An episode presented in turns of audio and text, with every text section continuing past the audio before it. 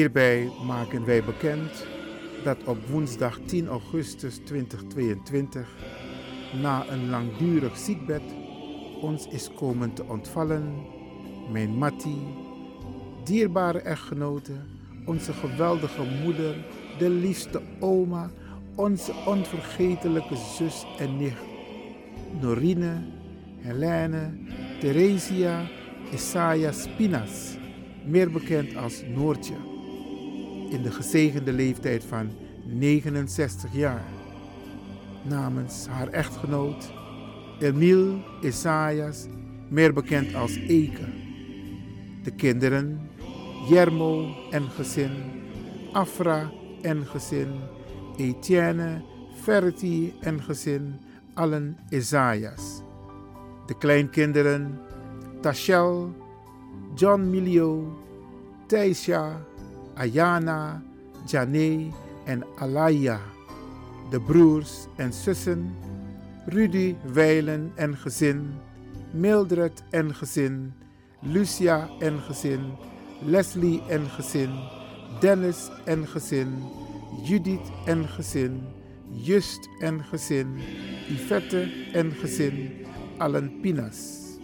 De diep bedroefde oom, Alfons, meer bekend als Fonsje Seder, en haar liefhebbende tante, tante Vera, meer bekend als Ma Vera. Norine, rust in vrede. Er is gelegenheid tot afscheid nemen in de aula van het afscheidshuis aan de Hoorneboeg nummer 1, postcode 1102, BK in Amsterdam Zuidoost op donderdag 18 augustus 2022 van 1 tot half 3. Daarna wordt onze lieve Norine, echtgenote, moeder, oma, zus en nicht onder begeleiding van muziek weggedragen voor de crematie die in besloten kring zal plaatsvinden. Geen rouwvisite, geen ID. Het correspondentieadres is Cornelis Arnoudstraat nummer 72, 1106 ZG in Amsterdam Zuidoost. Namens de nabestaanden van Norine Helena Isaias, Eke Isaias. Radio de Leon condoleert de familie Isaias Pinas met het heengaan van Norine en wens u heel veel sterkte toe.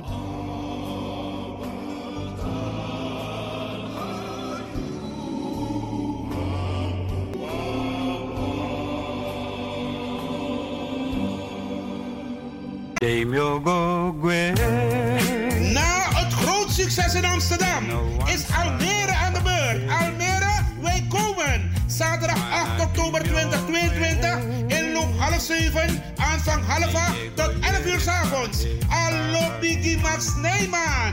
Featuring Brian B., Farida Merfield, John Oldenstam, Nato Grootvam, Ed Rus, MC Glenda Acton. Voorverkoop van kaarten 25 euro. Kaarten verkrijgbaar in Amsterdam bij Marta Hyde. In Almere bij Juliette 06 14 28 5618. Plaats Levend Water. Park Wijkland 44 1326 AS Almere. Info 06 16 80 5758. Actaso. Hallo! Op zondag 14 augustus 2022 presenteert Stichting Multiculturele Organisatie Almere het Multicultureel Lumière Park Festival. U mag de hele dag van 11 uur tot 10 uur s avonds in het Stadspark Lumière genieten van diverse muzikale optredens, dialogen, workshops en voor de kids is er een kinderdorp. Kortom, een festival voor het hele gezin. Bokuse Boom met muziekgroep Sabroso. Maar Johnny like it. Combinatie 16 met speciale gast TV. Muziekformatie de band. BLF familie met Lord Venda en Ja Prince. Mega Vibes, Race SC. De Block Party, J Lion. De winnaars van 036 Dance Event. Dansgroep Avi Stars. De host is Jonathan en DJ Akshay. Zo, we zien u allen in Stadspark Lumière. Zondag 14 augustus 2022. Lumière Park Festival. Denk je dat je een mooie stem hebt? Ja? Verdien dan geld met je stem. Schrijf je in bij Voice for Fame Amsterdam. Stuur een sample van je ingesproken stem naar twinklesoundapenstaartje.gmail.com met de vermelding van Voice for Fame. Nadat we je stem hebben beluisterd, maak je kans om geselecteerd te worden om in onze studio in te spreken. Je mag natuurlijk ook inzingen, minimaal 30 seconden en maximaal 45 seconden. Ik weet dat het je gaat lukken. Er is mij één ding te zeggen. Doe je best en verdien straks geld met je stem.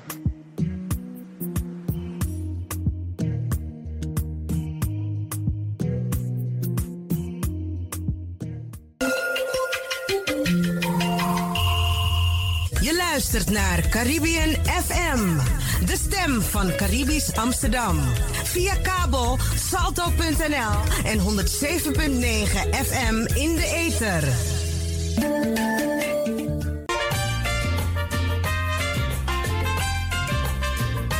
Welkom op de Sunday Special Show van Studio De Leon. Vol spanning, humor en wetenswaardigheden. De Sunday Special Show.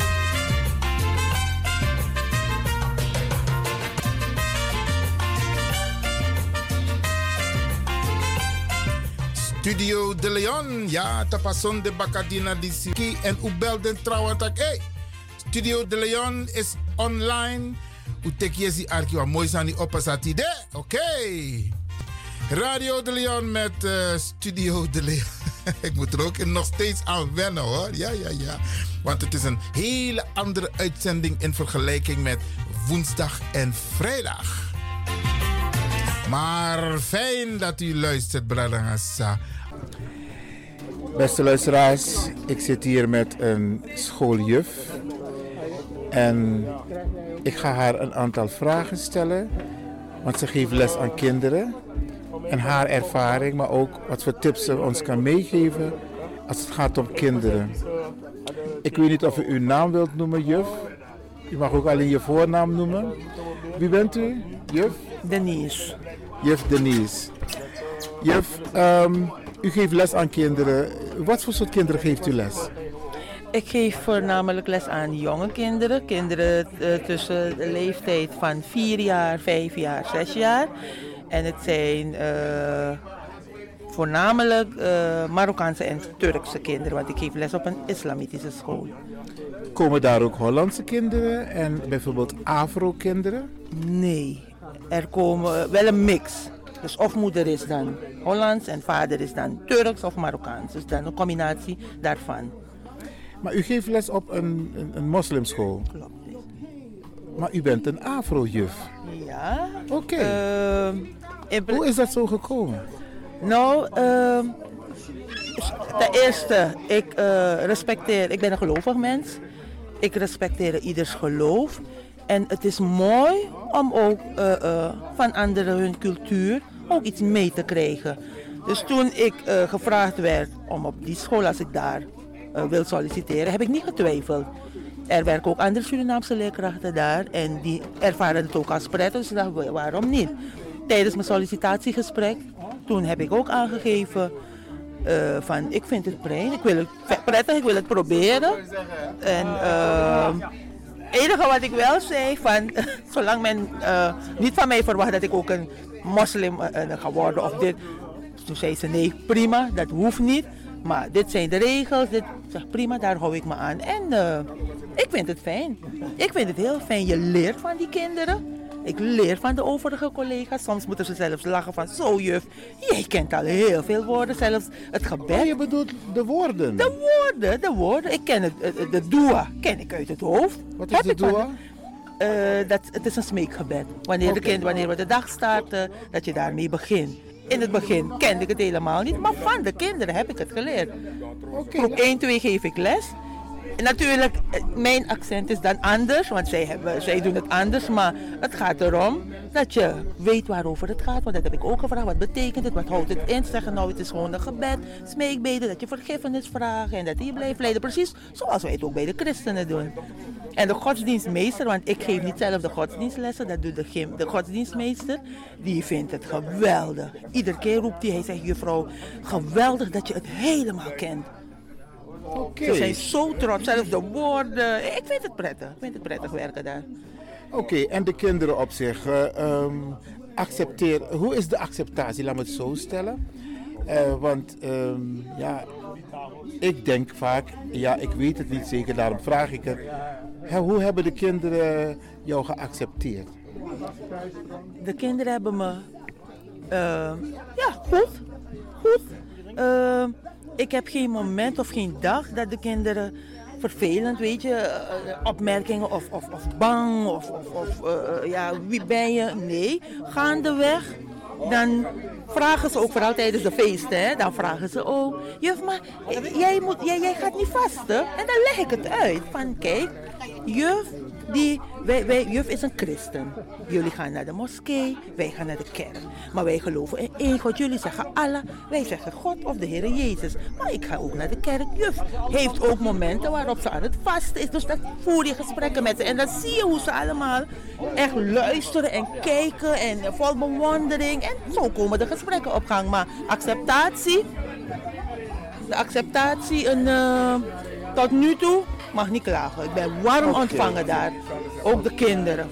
Dus Ja. je bent eh, tevreden. Zouden meer mensen die ervaring moeten opdoen, denk je? Ja, waarom niet? Ja, ik heb ook collega's daar die zeiden van, eh, wat fijn hier. Eentje zei het is een uitdaging. Ze heeft jaren gewerkt op een, eh, een, een, een, Openbare school of noem maar op. En toen ze, ze zei ik wil de uitdaging aangaan. En ze ervaart het ook als prettig. En, de ouders ook, hè? De ouders ook. Die zeggen, juf, het gaat zo leuk om met die kinderen. Die kinderen zijn weg van u. Want ze zien hoe u zich... Je, je, je leeft je in in de kinderen hun belevingswereld. Je gaat, als ik de klas moet inrichten, nogmaals, ik geef van groep 1, 2 les. En wij werken dan eh, eh, thema's, hè? Dus dan ga je de klas inrichten. Bij Ramadan, oh... Ik heb de klas helemaal een moskee gemaakt in de huishoek. Boeken aangeschaft voor de kinderen. Dus je, je, je, je leeft je er... Ja, je leeft je er eh, in. Je leeft... Heel leuk. Leuk. en ehm, natuurlijk, het is een eh, moslimschool. Maar hoe gaan ze om met bijvoorbeeld ehm, andere feestdagen, christelijke dagen? Hoe, hoe gaat een moslimschool daarmee om? Bijvoorbeeld kerst, ik zeg maar wat, kerst. Ja, ja, kerst wordt niet gevierd. Er wordt geen kerst gevierd. Pasen wordt ook niet gevierd. Ze doen niet mee aan die feesten. Je mag het in de klas mag je het bespreken met de kinderen. Er wordt daarover gesproken, maar eh, het wordt niet gevierd. Uitsluitend suikerfeest, de Ramadan, het vasten, offerfeest. Maar een, eh, geen eh, andere feesten. Vind je zelf, eh, juffrouw Denise, dat ehm, ehm, het moslimonderwijs een toegevoegde waarde heeft aan de Nederlandse samenleving? Jawel, jawel, jawel. Ja, eh. Ja, ik, ik, ik stel die vraag omdat ehm, het onderwijs bedoeld is voor de basis, de eh, normen en waarden, maar ook het onderwijs op zich. Maar er is ook nog heel veel, er was vroeger, laat me het zo stellen, er was vroeger veel tegenstand voor het opzetten van moslimscholen, maar nu is het bijna geaccepteerd overal. Het is geaccepteerd, ja, klopt. Het is geaccepteerd. Het is geaccepteerd. Je leert die kinderen inderdaad normen en waarden bijbrengen. Het zijn kinderen. En, ehm, ja, je, je, je, je, Een andere vraag, ehm, de kwaliteit, hoe is het met de schoolprestaties? Is het hoger?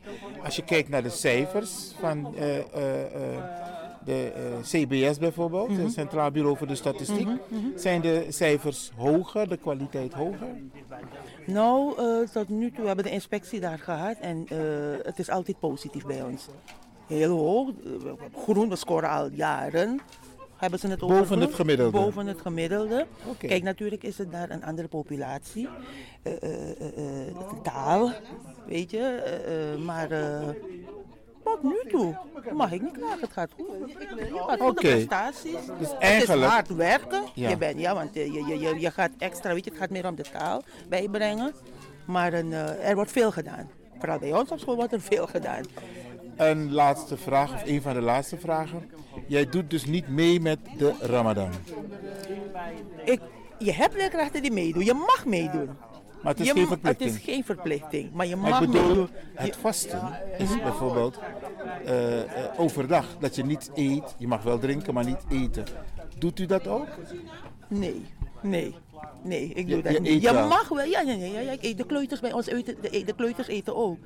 Dus ik eet daarmee met de kinderen. Het fruitpauze heb- kinderen, ja, die- die- nee, de, kleu- de jongste kleuters, die, die doen dat niet. De jong, nee. De hele dag, ze beginnen volgens mij vanaf groep, oh, met een goede groep 6 of, of 8 mag je beginnen met het Dus vasten. als een kind zegt ik wil niet meedoen, dan is er niks aan de hand. bij de kleintjes niet, nee. Nee, Nee, maar vanaf groep 6, 7, 8. Zijn ze verplicht mee te doen? Nee, toch? nee zij ook niet verplicht. Zij ook niet verplicht. Ze zijn ook niet verplicht. Maar ik eet mee eh, met de kleuters. Ze vroegen ook, juf, je eet wel. Ja, toen le- dan leg je het uit, hè, waarom niet. Maar eh, een van de collega's zei, juffrouw Denise, je bent ook mee aan het vasten. Want onbewust soms ben je zo druk bezig dat je niet eet. Dat je niet Oké, ik, ik merk dat je het naar je zin hebt. Als een Afro-Surinaamse juf op een moslimschool. Ja hoor, ja. Je houdt je natuurlijk aan, aan de regels, kledingvoorschriften, wat je aan kunt doen, wat niet, wat mag, wat niet. Daar hou je je aan, maar eh, ik kan het met ieder goed vinden daar op die school. Geweldig. Nou, succes. Dank u En wel. dankjewel voor dit eh, kort eh, vraaggesprek. Graag gedaan, graag Oké. gedaan.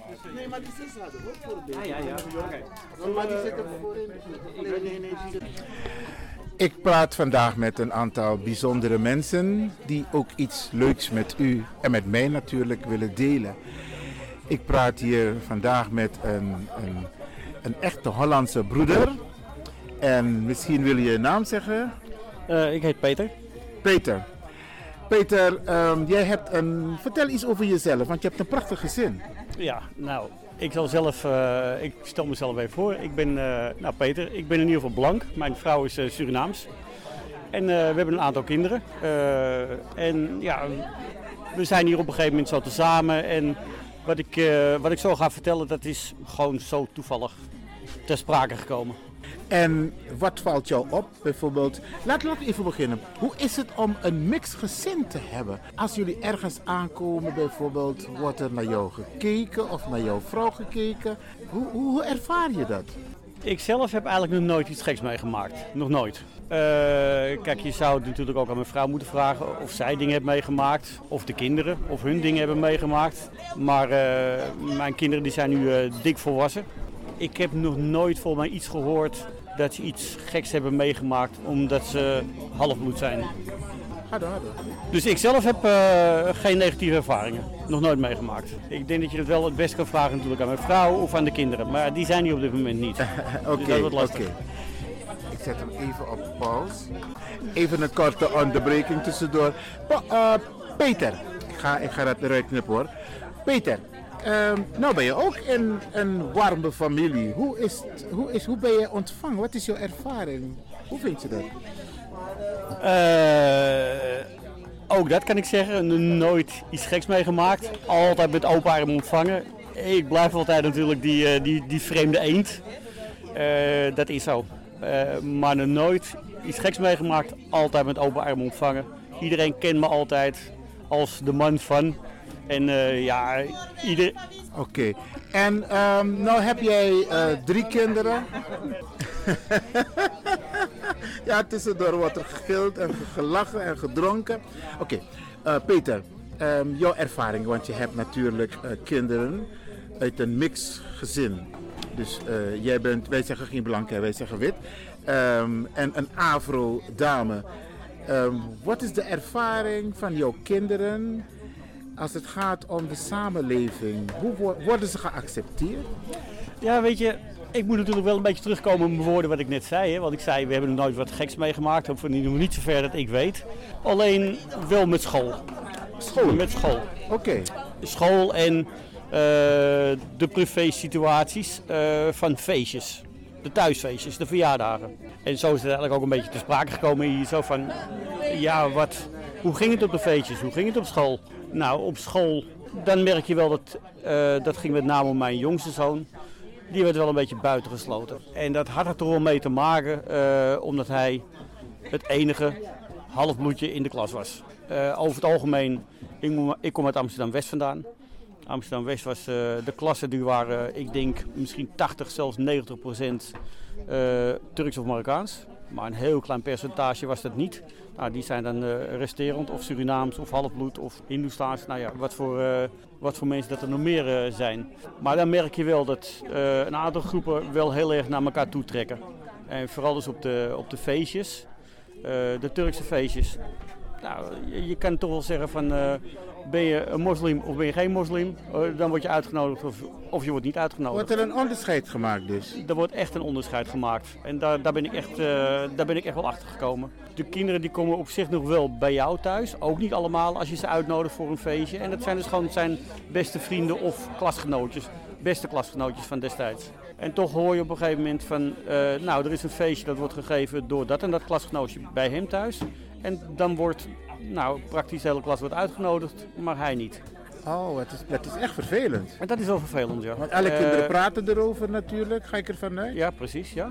Ja, een leuk feestje geweest eh, gisteren. En, eh, Wauw. nou, en dan weet ik dat mijn zoontje destijds gewoon geen buitengesloten kind was. Nou, hoe kan je dat zeggen? Weet je, het is best wel lastig om te zeggen. Want ik zeg nu niet buitengesloten was, maar aan de andere kant dus ook weer wel. Want ook bijvoorbeeld met het spelen. Kijk, want je kan misschien toch wel het begingedeelte, want je kan er misschien toch wel even iets stoppen. In het begin heb ik Maar Peter, ik, ik, daarnet zei je, het is geen problemen, maar ik, als ik je zo hoor, zijn er dus wel problemen. Ja. Vanwege het feit dat je, ja, Ja. op zo'n Hollands gezegd, half bloed Weet je, en dan als je dus eh, je, je kinderen hebt met hun, eh, met hun vrienden of eh, je familie of wat dan ook, zijn er eigenlijk helemaal geen problemen. Vrienden. Maar komen er op een gegeven moment feestjes of wat dan ook, Eh, dan wordt het wel iets anders. Dan opeens zijn de vrienden, nou ja, die worden begeleid door hun ouders natuurlijk. Of dan zijn de ouders die bepalen wie er wel en niet op het feestje mogen komen. Eh, ja, voor de deur spelen heb ik ook wel situaties meegemaakt. Dat zijn kleine situaties, dat bijvoorbeeld kinderen in hun eigen taal gingen praten eh, over mijn zoon en ook gingen lachen over mijn zoon. En als je dan op een gegeven moment naar de ouders toestapt, weet je, het zou fijn zijn dat ze misschien toch in Nederlands praten, want ik ken het hartstikke goed. eh, dat ze dan opeens eh, niet thuis zijn eh, of, of blind zijn, een kop in het zand steken. Maar heb je het gevoel dat dit niet alleen bij jou speelt, maar op meerdere locaties in Nederland? Volgens mij wel. Weet je, ik heb het ook wel eens eh, ter sprake gebracht met, met vrienden en ook op het werk. Ook met Turkse of Marokkaanse collega's op het werk. Heb ik dezezelfde situaties eh, verteld. Maar niemand herkent zich erin. En dat is denk ik wel een probleem. Die hebben ook allemaal kinderen, maar niemand herkent zich erin. En toch gebeurt dit. Maar, Maar- toch, Als ik je zo hoor praten, dit is niet leuk. Sowieso niet leuk voor de kinderen, maar ook niet leuk voor de ouders. En ook denk, denk ik niet goed voor de samenleving. nee. Eh, dat is wel ook een reden dat wij zijn verhuisd uit Amsterdam-West. Maar we Weet je- hebben het probleem achtergelaten. Je hebt het probleem, Maar- maar wij kunnen het probleem niet veranderen. Maar Weet je- het is, het is heel simpel. Ik heb niks tegen Marokkaanse en Turkse mensen. 0,0. Het zijn altijd bevrienden geweest. Alleen er gebeuren wel dingen in, wat ik net zeg, hè, de, de feestjes, situatie, noem maar even de feestsituatie, waarin er wel op een gegeven moment onderscheid wordt gemaakt. En uiteindelijk is het ook zo natuurlijk als er op een gegeven moment een bepaalde bevolkingsgroep of een aantal mensen, of dat nou Turkse of Marokkaanse mensen zijn, te veel van een bepaald, bepaalde cultuur of hoe je het ook mag noemen, in één bepaalde plek, bijvoorbeeld op school. En een klas bestaat uit 80% uit eh, moslims, zullen we misschien Ja. zeggen, Turks of Marokkaans. Dan is dat gewoon niet goed. Dat is gewoon niet goed. En dat is wel een klein beetje het probleem. Als je ook in een boutique woont en een boutique, eh, ja, dan kan je op een gegeven moment de, de echte Nederlanders kan je zoeken. Dat geeft op een gegeven moment wel wat, eh, wat eh, problemen. Maar ehm, de schoolleiding, die weet hiervan. De schoolleiding die steekt hun kop in het zand. Nee, je Nee, dat nou? de schoolleiding steekt absoluut zijn kop in het zand. Ja. En dan, nou, die doen er niks aan. Maar nou heb jij dit meegemaakt. Oké, je bent nu verhuisd, zeg jij. Ehm, het probleem blijft bestaan. Wat voor adviezen of tips zou je kunnen meegeven dat eventueel als mensen dit programma horen, wat zou je kunnen meegeven? Want je hebt meerdere, waarschijnlijk meerdere ouders met een, een, een die waarschijnlijk ook dit soort problemen hebben. Het is lastig, ik moet er even van zuchten. Het is lastig, want het probleem ligt natuurlijk bij, bij de ouders. Bij de ouders eh, van noem het even de moslimgezinnen, de Marokkaanse of Turkse gezinnen. Je hebt natuurlijk wel meer, meer gezinnen wie, wie dat onderscheid maken. Wat eraan te doen valt, die mensen die zouden er meer voor open moeten staan. Dat ze ook andere kinderen uitnodigen op de feestjes. Dan alleen hun eigen landgenoten. Of, dat is, ik denk niet dat je daar doorheen gaat komen. Denk ik niet. En ehm, nou is het zo dat er bepaalde moslimdagen zijn waarop er bijzondere feesten zijn. Je hebt ook een periode, de Ramadan. Hoe, hoe, heb je ervaring of jouw kind ervaring met uh, hoe het toegaat tijdens de Ramadan? Wordt hij ook verplicht om te vasten? Uh, nee, hij is nooit verplicht om te vasten hoor. Ik weet wel, het werd allemaal uh, groot gevierd op school. Dus, maar daar zijn nooit echt bijzondere dingen uitgekomen. Nee. Oké. Nooit echt iets bijzonders meegemaakt. Dus dat ging altijd gewoon goed. Ja. Zeggen. Oké. Nou Peter, uh, is er nog iets wat je eventueel aan de luisteraars zou willen meegeven? Die met een dergelijke situatie te maken hebben? Uh, lastig hè? Ja, dat is heel lastig. Kijk, in het begin uh, ga je denken op een gegeven moment dat, dat, dat, jouw kind het probleem kan zijn. Je kind wordt buitengesloten, dan kan je zeggen, ja, is mijn kind zo bijzonder dat hij wordt buitengesloten? Is hij zo apart? ligt het aan hem? Nou, we zijn op een gegeven moment dus verhuisd. En vanaf het moment dat we verhuisd zijn, heeft het hele probleem niet meer gespeeld. Hij was, uiteindelijk, was hij, uiteindelijk was hij ook heel vaak uh, de pineut in de klas. Gebeurde er wat, uh, dan, werd de, dan werd hij continu werd hij aangesproken. Terwijl dat hij zegt, ja maar ik deed het samen, iemand anders ook. Maar die werd niet aangesproken. En hij zat, uh, elke week zat hij bij de directeur. Maar dat is niet leuk. Hij zat elke week bij de directeur op kantoor. Sinds dat we zijn verhuisd, hebben we dat nooit meer meegemaakt. Dus eigenlijk zeg jij, het is ook de school of de wijk waar dit soort ja, de school situaties in de zich uh, ja, voordoen. de school in de wijk, ja. En dus ja, de school in de wijk, dus de leerkrachten. De leerkrachten die steken ook gewoon een kop in het zand, weet je. Ze willen, ze willen ook niet misschien uh, voor iets worden uitgemaakt. Dus uh, kop in het zand steken. Problemen niet zien. Nou, ik, ik moet je eerlijk zeggen, ik luister zo naar je. En ik denk dat um, um, er wel degelijk iets moet gaan gebeuren, want dit kan niet altijd zo zijn. Nee, kijk, ik spreek natuurlijk niet uit naam van iedereen. Je zou eens uh, uiteindelijk moeten vragen of er meer mensen zijn met ditzelfde ja. probleem. Dan weet je uiteindelijk natuurlijk ook of het een echt een structureel probleem is. Ik, dit is mijn ervaring. Uh, misschien was mijn kind zo bijzonder. Uh, alleen, ik heb er nog een paar en ik heb ongeveer zo'nzelfde situatie meegemaakt. Okay. Alleen toen was het nog niet zo. Uh, toen was de bevolking nog iets anders verdeeld, laten we het zo zeggen.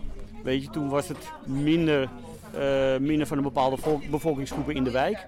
Uiteindelijk nadat uh, de andere kinderen kwamen, werd het steeds meer en meer. En ja, werden de problemen dus ook meer en meer. Ja, ja. Dus, maar wat ik zeg, ja, je zou het ook eens bij andere mensen moeten informeren. Dat kan je gaan we doen, gaan we doen. We gaan luisteraars oproepen die een dergelijke situatie meemaken. Dan wel direct of, din, of dan indirect. Uh, om, om die ervaringen met ons te delen en vragen wat zij hier aan hebben gedaan. Peter, ik ga je bedanken. Ja, nou graag gedaan. Voor jouw uh, bereidwilligheid om toch over dit lastig onderwerp uh, te vertellen. Ja, het is inderdaad een lastig onderwerp. Dat, uh, dat is zeker zo. Oké, okay, maar goed, het gaat nu goed met je zoon. Hij zit ja. nu in, in, een hele nieuwe situatie. Ja, klopt. Het gaat hartstikke goed. Dus okay. geen klagen. Dankjewel voor het gesprek, Peter. Over het onderwijs praten we. En ik zit hier tegenover een, moet ik zeggen, een gepensioneerde onderwijzer. Maar u mag het zelf zeggen. Wie bent u? Ah, nou ja, ik ben Dennis. Dennis, Dennis Levin. Ik ben gepensioneerd nu ongeveer twee jaar.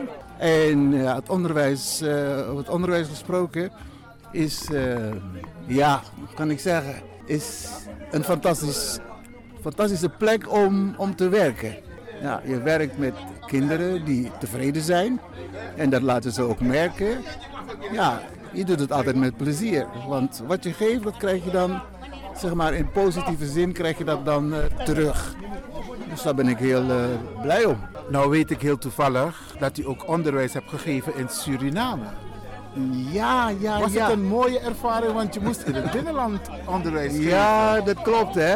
Ken je de plekken nog? Ik ben uh, begonnen op, uh, op, op Botopassi. Ja, en uh, na ongeveer een jaar mocht ik even in, in het centrum, in, in Paramaribo.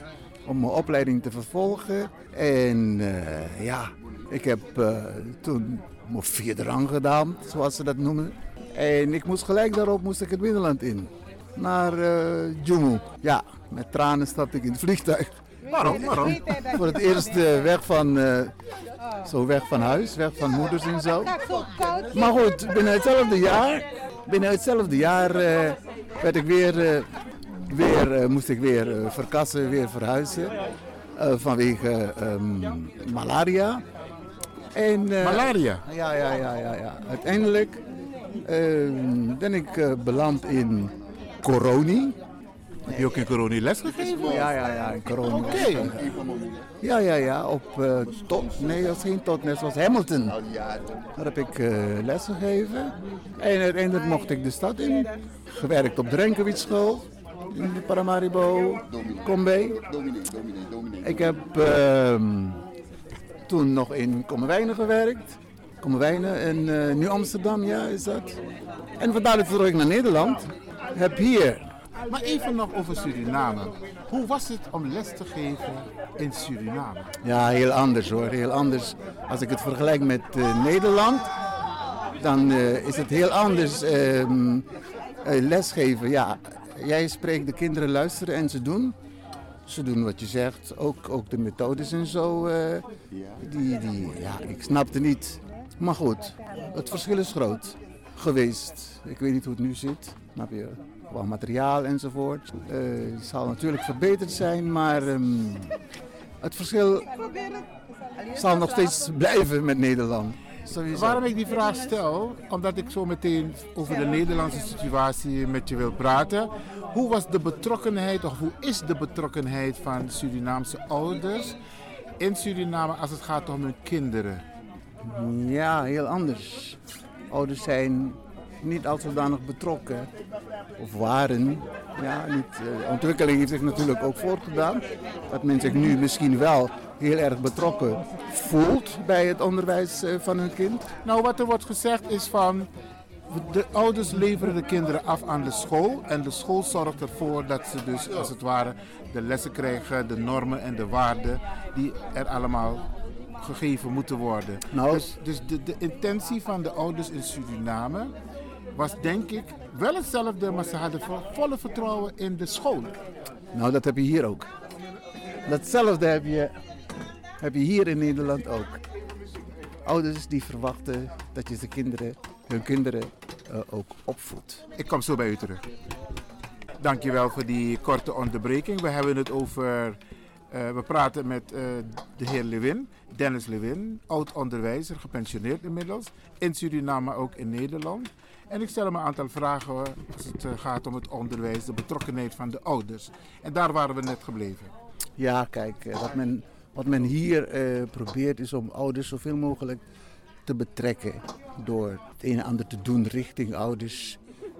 zodat ze ook veel belangstelling hebben voor hun kinderen. Dus als het ware een soort training krijgen de ouders. Maar er zijn ouders die daar maar heeft geen het niet tijd te maken, voor hebben Heeft het niet te maken dat die ouders zo hoog, ze willen dat hun kinderen zo hoog mogelijk moeten scoren. Dus hun betrokkenheid heeft ook invloed op het advies wat het kind later krijgt.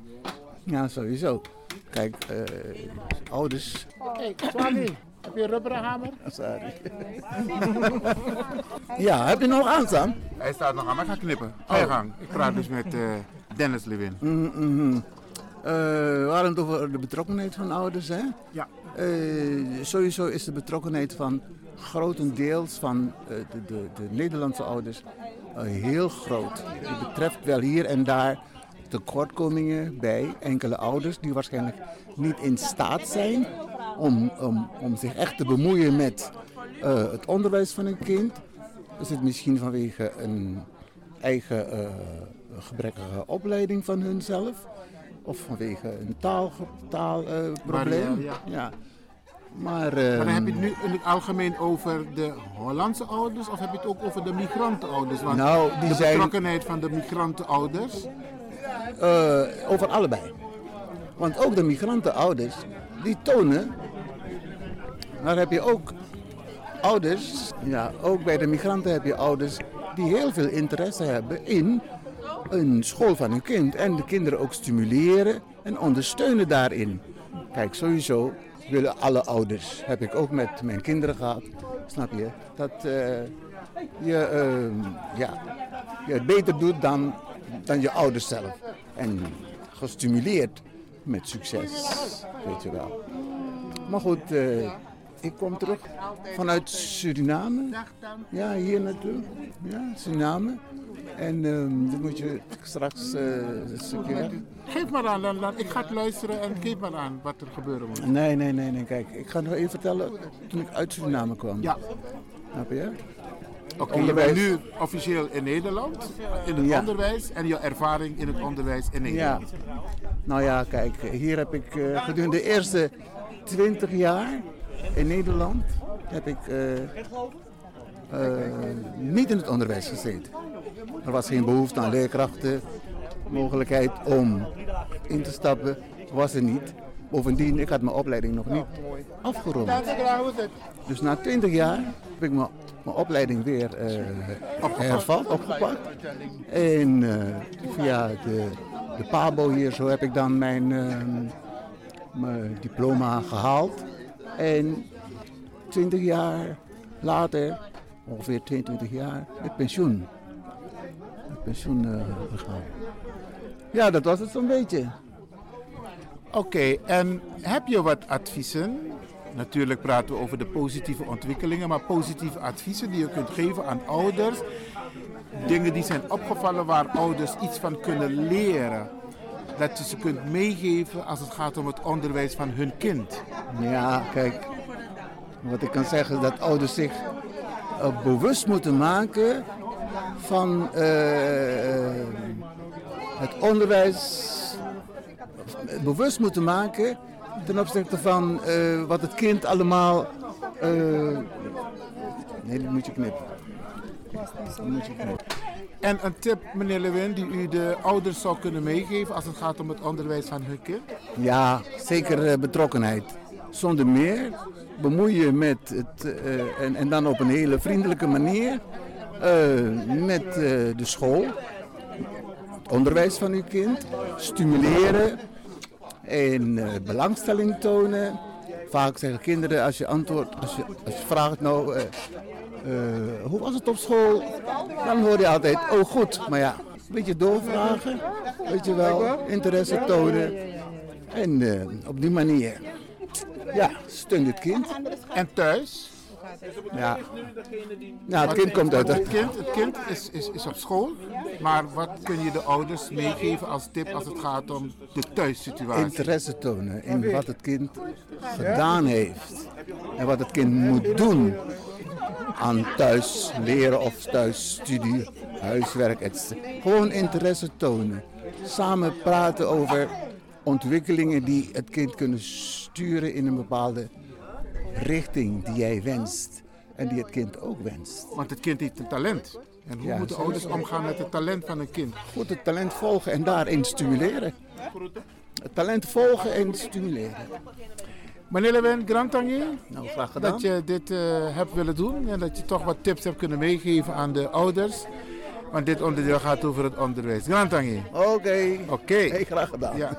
Vandaag praten we, ja, met, met een paar, vandaag praten we met een paar mensen over het onderwijs. En nu ben ik in gesprek met een hele mooie dame. Hoe heet u? Mijn naam is Naomi. Nog een keer, hoe heet u? Mijn naam is Naomi. Keer hoor. Mijn naam is Naomi. Oké, okay. Naomi. Hoe oud, je bent een Surinaamse? Dat klopt. Surinaamse achtergrond? Ja, dat klopt. Ja, want de mooiste vrouwen komen uit Suriname. Vanzelfsprekend. Of anders uit Surinaamse bloed, Juist. Surinaamse water. ja. Naomi, um, hoe oud was je toen je naar Nederland kwam? Ik was zeven jaar. Zeven jaar? Ja. En dus je hebt natuurlijk tot je zevende op school gezeten in Suriname. Ja, Wat klopt. kun je ons vertellen? Weet je nog iets over die tijd? Welke school heb je gezeten? Ja, ik zat op de lagere school. Was het een um, openbare school, een katholieke school? Een openbare school. Um, aan de toekomstweg, ik zeg het fout, aan het Beekhuis. Zeg, ik ben even aan het nadenken hoe die school ook alweer heette. Oeh, dat wordt een lastige voor mij, maar ik zie het zo voor me. Het, het schoolplein, de gebouwen, de gemoedelijke sfeer. Hoe de ochtend begon natuurlijk met de vlag. Dat kon niet mis. En dan En stond het je... Surinaams volkslied. Surinaams volklied inderdaad. Dan stond je daar heel braaf als leerling, als kind. Ja, het was een, ja, een soort van traditiecultuur wat je eigenlijk niet wil missen. Oké, en weet je nog iets leuks uit die tijd wat je je kan herinneren? Bijvoorbeeld, ik zeg maar wat medeleerlingen ben je ze ooit weer terug, tegengekomen, maar ook de leraren. Wat ik me van die tijd als ideaal vond, de vrijheid die je had. We hadden natuurlijk niet van die hele lange schooldagen zoals hier in Nederland. En dan tegen een uur of één, dan liep ik met een paar eh medeklasgenoten terug naar huis. En dan onderweg kom je natuurlijk allerlei insecten tegen. Dus dan als kind, dan durf je alles nog te pakken en in potjes te doen en in zakjes te doen. Als je me nu een insect laat zien, dan begin ik al gelijk te gillen. Terwijl ik in die tijd alles durfde ik aan te raken. En als je kijkt naar het onderwijs, de leraren waren natuurlijk streng. Eh, er, was, er was geen ruimte voor een dialoog. Er was geen ruimte om je mening te geven. Je zat daar en moest eigenlijk gewoon op dat moment repeteren. Een soort van robot werd je gemaakt. Daar zat je dan en er werd tafel geoefend. En dan met z'n veertigen moest je dan één keer zeven, twee keer zeven. En zo bleef je maar doorgaan. Maar je werd niet geleerd om zelf na te denken en wat is nou de logica hierachter. Keurig in de rij lopen en altijd in de pas blijven lopen. Maar dat is, het, dat is meestal op de lagere scholen, Dat was neem ik aan. zeker de lagere school. naarmate je hoger eh, eh, in het onderwijs, bijvoorbeeld de klasse hoger, dan kreeg je toch wel degelijk die begeleiding. Dat hoop ik, dat hoop ik. Ik bedoel, ik was zeven toen ik daar vertrok. Dus ik heb de fase daarna niet meegemaakt. Dus waarschijnlijk zal iemand anders denken, ja inderdaad, het was natuurlijk de, de eerste, tweede en derde klas. Maar als je eenmaal verder bent, dan zijn ze dus anders met de leerlingen. Ik mag het hopen. Want wat je dan ook wel vaak hoort en om je heen ziet, de manier waarop die leerlingen met je praten, of tenminste kinderen met je Ja. praten. Ja meneer, nee meneer, ja oom, nee oom, ja tante, nee tante. En als je dan vraagt naar het waarom, Hmm, dan heb je een probleem. dan blijft het stil. En dan wordt men verlegen en dan kijkt men naar beneden. Maar men durft niet zo makkelijk met je een gesprek aan te gaan. Want als kind zijnde ben je kind. En dat is meester, dat is juf en daar moet je naar luisteren. En daar wordt geen ruimte voor geboden. Maar dan praat je over jaren geleden. Gelukkig ik, wel. Ik, ik hoop en ik denk dat het nu veel anders toe gaat. Ik mag het hopen inderdaad. Ik bedoel, ik word eh, bij leven en welzijn word ik 45. Dus ik mag hopen dat inderdaad de manier waarop kinderen opgeleid worden. ehm, opgeleid dat je ook zelfstandig kunt nadenken. Dat het al op de basisschool begint. En niet als ze de fase van de MULO ingaan en daarna naar de middelbare school. Dus ik mag hopen dat op de basisschool je al ruimte krijgt om inderdaad je eigen wereld te vormen. En nou ben je in Nederland aangekomen. Ja. Daar zie je niet veel insecten in de winter op straat. Nee, nee, nee, nee, nee, zeker niet, zeker niet. ja, het was wel heel anders hier. Ehm, waarin je gewend bent dat je natuurlijk op een huis woont met een jari in Suriname. in? Suriname. En dan, en kom je hier, zeven hoog. ze zeggen drie hoog achter. ja. Eh, dat je om je heen kijkt van zo dat pa jari der. En dan werd ik gelijk, het was mijn eerste dag. Ik dacht van zo, ik heb met iedereen gepraat, dat pa jari der.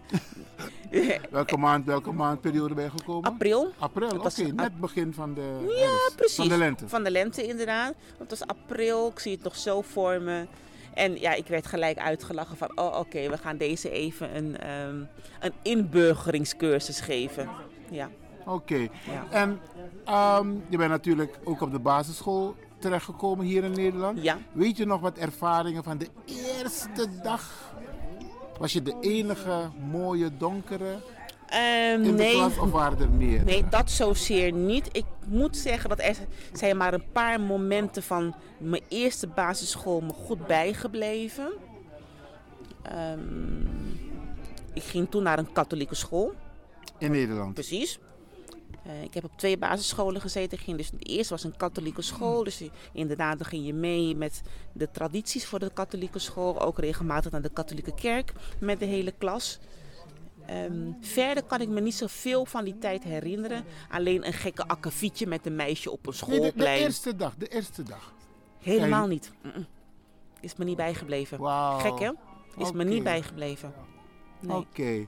Maar wat leuke ervaringen, want je hebt toen de basisschool. Ik heb daarnet gesproken met een paar ouders, maar ook met een, een onderwijzeres en een Ja. onderwijzer. Ja. Om te horen van, hé, hey, hoe gaat het met het onderwijs geven, de ervaring van de kinderen Ja. in de klas. Gelijke behandeling, ongelijke behandeling, soms is het zelfs discriminatie. Ja. Onze kinderen, dat is ook wat ik ervaar. Ik, ik, ik praat met heel veel mensen Mhm. en ik hoor dat sommige kinderen absoluut ongelijk worden behandeld Ja. op, eh, op, in de klas, Ja. op het schoolplein, maar ook daarbuiten. Ja. Ja. is jouw ervaring. Nou, dan moet ik als eerste zeggen dat ik discriminatie, de term, de definitie in Nederland heb geleerd. Maar niet de ervaring en het gedrag. Dat heb ik in Suriname geleerd. Oh, Want ik zal niet eerlijk zijn als ik zal zeggen dat ik voor het eerst op mijn huidskleur ben aangesproken toen ik in Nederland aankwam. Ik heb een donkere huidskleur. Mijn huidskleur is donker. Ik heb geen eh, glad haar. Ik heb werkelijk kroeshaar. Langer dan oloïsfeer, wat ze altijd vroeger zeiden. Dus in Suriname al werd ik aangesproken op mijn huidskleur. Het is niet hier gebeurd. In Suriname al werden we aangesproken als je wat gladde haar had en als je wat lichter getint was. En het zou nog mooier zijn als je een bepaalde golf in je haar had. Nou, dan, dan, dan, dan, dan, dan, dan, dan, dan was je er. dat is wel jammer, hè? Dat is jammer. Dus ik, ik, ik wil altijd daarin heel eerlijk zijn. En hier heb ik woorden geleerd die ook in de vandalen staan. En dat noemen we discriminatie. En dan wordt het ook nog een stempel gegeven. Dus ik ga nooit zeggen dat ik hier dat geleerd heb. Tuurlijk heb ik dat ook hier meegemaakt. U vroeg net van die eerste schooldag, daar weet ik niks van. En misschien ook die hele schooljaar niet als één incident waarbij uit het niets een meisje me aansprak en toen tegen me zei: Sinds jij hier op school bent, is het hier niet meer leuk op school. Oh, Nou, zij had een andere huidstint dan ik en een andere haarstijl dan ik. En toen dacht ik, goh, in Suriname heb ik niet geleerd om te praten. Om dan terug te zeggen van, goh, maar waarom zeg je dat dan? Ik vind het niet leuk dat je dit zegt. In Suriname had ik gelijk, geef gelijk een koffie.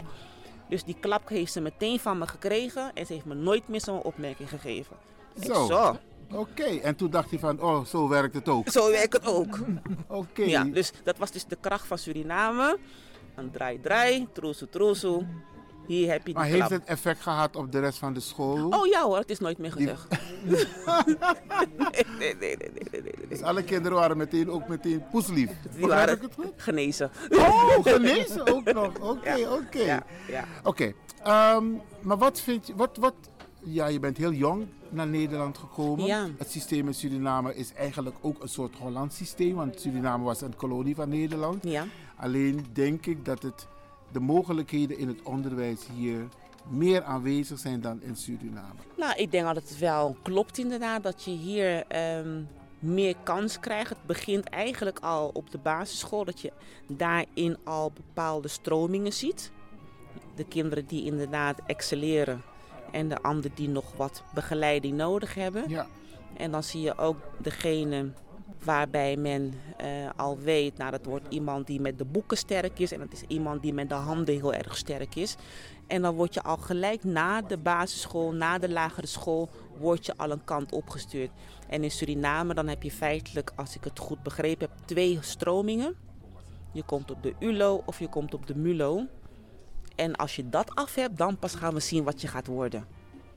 Terwijl hier in Nederland je al eerder die gelegenheid krijgt om daarover na te denken. Precies, nou ja, niet zozeer over na te denken, maar dat ze al eerder Sturen. je sturen naar een bepaalde richting. Dat je in de zin dat je de kader hebt, je hebt de MAVO, de HAVO, de VWO, de Atheneum. Nou, je hebt al die lijnen in één keer na de lagere school. En niet die twee grote groepen. U gaat naar de ULO of naar de MULO en we gaan daarna zien wat er gebeurt. We praten dus met eh, Naomi. Naomi die heeft deels van haar jonge, hele jonge jeugd in Suriname doorgebracht tot haar zevende. heeft wat verteld over haar ervaringen op school. Leuke dingen na Ja. school met die insecten. Zeker. En nu ben je bang voor de insecten? En nu wel. En nu ben je in Nederland en je bent, eh, ja, je bent al afgestudeerd, want je werkt. Ja. Maar ik, ik vraag aan jou om met de luisteraars te delen jouw ervaringen. Ehm, wat ik jou wilde vragen is van... Heb jij altijd volgens jou het juiste advies gekregen als het gaat om je niveau? De ervaring leert, als ik met heel veel mensen praat, dat, en dat is een systeem in Nederland, zeggen sommige mensen, dat de kinderen wel hoger kunnen, maar ze krijgen toch dat niveau, dat niveau niet geadviseerd. Heb jij ervaringen daarmee? Als ik naar mezelf kijk, denk ik dat ik wel het juiste advies gekregen heb. Laten we niet vergeten, ik had niet vanaf eh, de crash kinderdagverblijf, dat ik al gelijk hier in het Nederlands onderwijssysteem zat. Zeven, acht jaar. Dus dat betekent dat je al een fundering hebt gelegd op een ander niveau. Dat is niet erg, want ik was elf toen ik de lagere school verliet zesde klas, tegenwoordig groep 8. En ik kon dus door. En toen ben ik naar de LBO gegaan. Heb ik dat toen als vervelend ervaren? Zeker niet. Ik had niet het idee van ja, maar ik kan veel meer. Ik had toen in mijn hoofd, nou, ik word accountant. Dus ik ga nu naar de LEAO, dan MEAO en dan HEAO en dan ga ik AA en ik ben accountant. En die route is ook bijna zo uitgepakt. Ik heb er wel langer over gedaan. Maar je hebt elke keer wel het advies gekregen. Heb je nooit het advies gekregen van nou, je, je, met jouw cijfers kan je niet naar MEAO of HAO? Het advies wat je krijgt is alleen op de basisschool. Dan geven ze zeg maar een advies op basis van je CITO. Je CITO-uitslag dat is natuurlijk op dat moment een onderdeel van het totale adviespakket. En ook al ben ik op een gegeven moment wel hoog geëindigd, denk ik niet dat toen ik 11 was op dat moment al rijp genoeg was om al naar een HAVO te gaan. Sommige mensen zijn een beetje zoals een, eh, een schildpad, maar die komt er ook wel. Ja. Iedereen zijn eigen ritme. Zijn eigen ritme inderdaad. En de mogelijkheden zijn er. Volg gewoon je ritme. Dat wil niet zeggen omdat die persoon op dit moment LBO krijgt, dat dan de wereld in elkaar stort. Echt niet. Want als het kind excelleert, komen we er gauw genoeg achter. Een mooi voorbeeld daarvan. Mijn examenjaar van de LEAO. Nou ja, je moet dan aangeven op welk niveau je bepaalde vakken in je examen wil doen. En ik weet, mijn moeder had aangegeven, nou, na je examen gaan we naar Suriname. En ik dacht, "Hmm, laat ik nu maar de hoogste dingen aankruisen.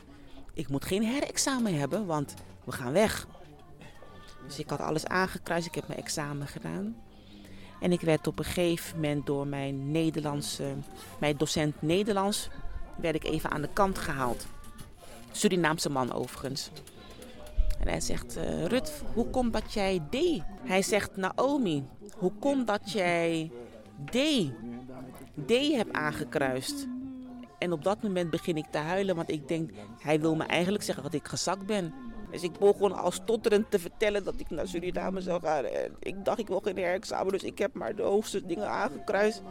Hij zegt, ik heb niet gezegd dat je gezakt bent. Ik wilde alleen weten, hoe Waarom? komt het Ja. dat jij D hebt aangekruist? Nou, en die man dacht, ah, moet maar eens met taboe. Dus ik ben op een gegeven moment gaan zitten en ik kreeg mijn cijferlijst natuurlijk na een paar weken. En toen begreep ik wat hij bedoelde. Ik had wonderbaarlijk heel hoog gescoord. En daarvoor was ik een leerling. Ik nam genoegen met een 6. Maar het moment dat dan die pressie erop staat, kwam ik met een 8 eruit.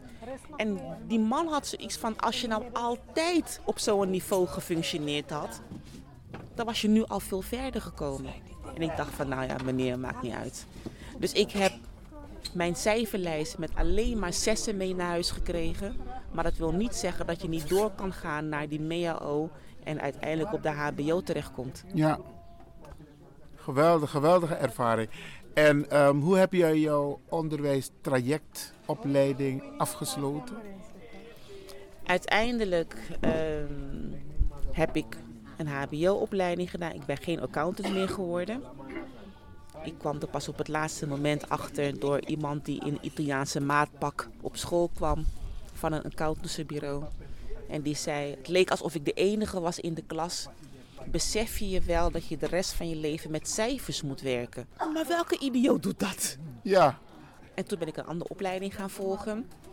Uh, wel op HBO heb ik af kunnen maken. Ik was toen in de blijde verwachting. Uh, vlak na mijn diplomering. En toen heb ik een aantal jaar stilgezeten. En toen heb ik een universitaire opleiding gedaan.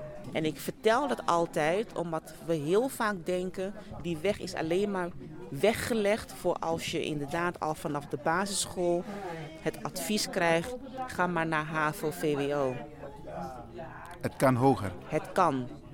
Want ook de mensen met een HAVO-VWO-advies... die kunnen helaas ook uiteindelijk zonder diplomering hun school verlaten.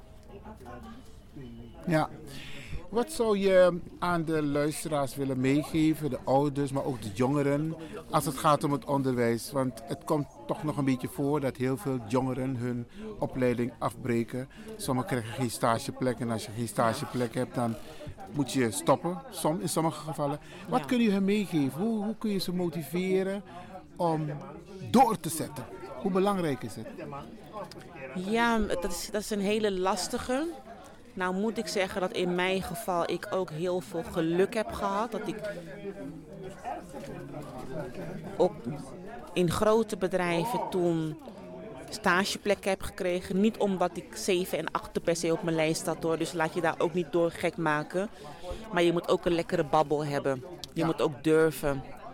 Um, soms heb je een kruiwagen nodig, maar dat is ook het leven. Maar met wie ga je om? Zit je bijvoorbeeld lekker bij de basketbalvereniging? Er moet op een gegeven moment een van je basketbalvrienden zal wel een vader of een moeder hebben die ergens werkt. Maak ook gebruik van je kruiwagen. En durf ook naar mensen toe te stappen. Een telefoontje plegen en jezelf verkopen. Want je bent eigenlijk een marktverkoper. Je staat daar en je hebt je babbeltje klaar. Als je alleen maar denkt dat je steeds aan het handje wordt gehouden, nee. Werkt niet, hè? Werkt niet. Je moet durven. Durven, durven, durven. Ik heb misschien ook wel massa gehad. Ik weet niet waar nou het geheim in zit. Wat je nou exact moet doen. Maar maak gebruik van je kennissen om je heen. Je netwerk. Je netwerk. Naomi, ik ga je bedanken voor je openhartigheid. Ja, graag gedaan. Dit was de Sunday Special Show van Studio De Leon. Eet smakelijk en tot de volgende week om 4 uur s middags tot 7 uur s avonds.